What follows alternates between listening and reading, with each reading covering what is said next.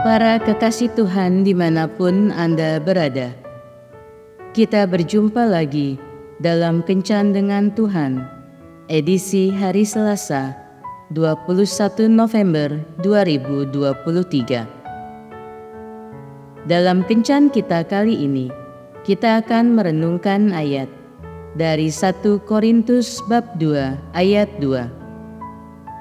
Sebab aku telah memutuskan untuk tidak mengetahui apa-apa di antara kamu selain Yesus Kristus, yaitu Dia yang disalibkan.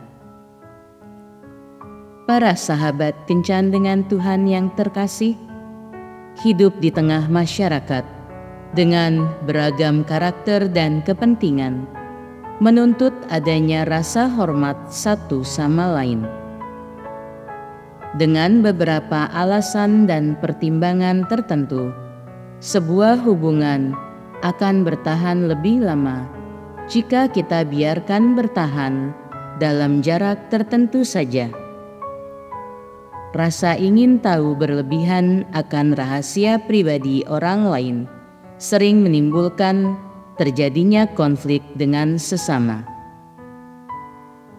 Suatu kali Rasul Paulus berkata, Aku telah memutuskan untuk tidak mengetahui apa-apa di antara kamu selain Yesus Kristus, yaitu Dia yang disalibkan. Fakta bahwa tidak ada seorang pun yang sempurna seharusnya membuat kita tidak usah merepotkan diri untuk mencari informasi rahasia tentang orang lain. Paulus memutuskan untuk berfokus melayani Tuhan saja.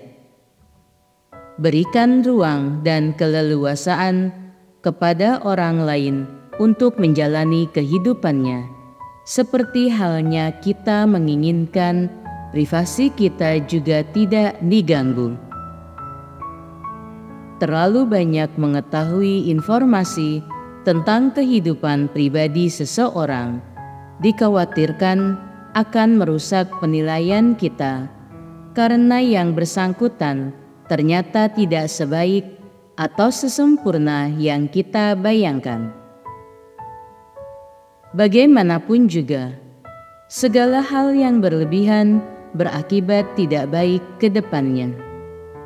Cepat atau lambat, orang-orang yang kita gali informasi pribadinya akan tahu bahwa kita sedang menyelidikinya.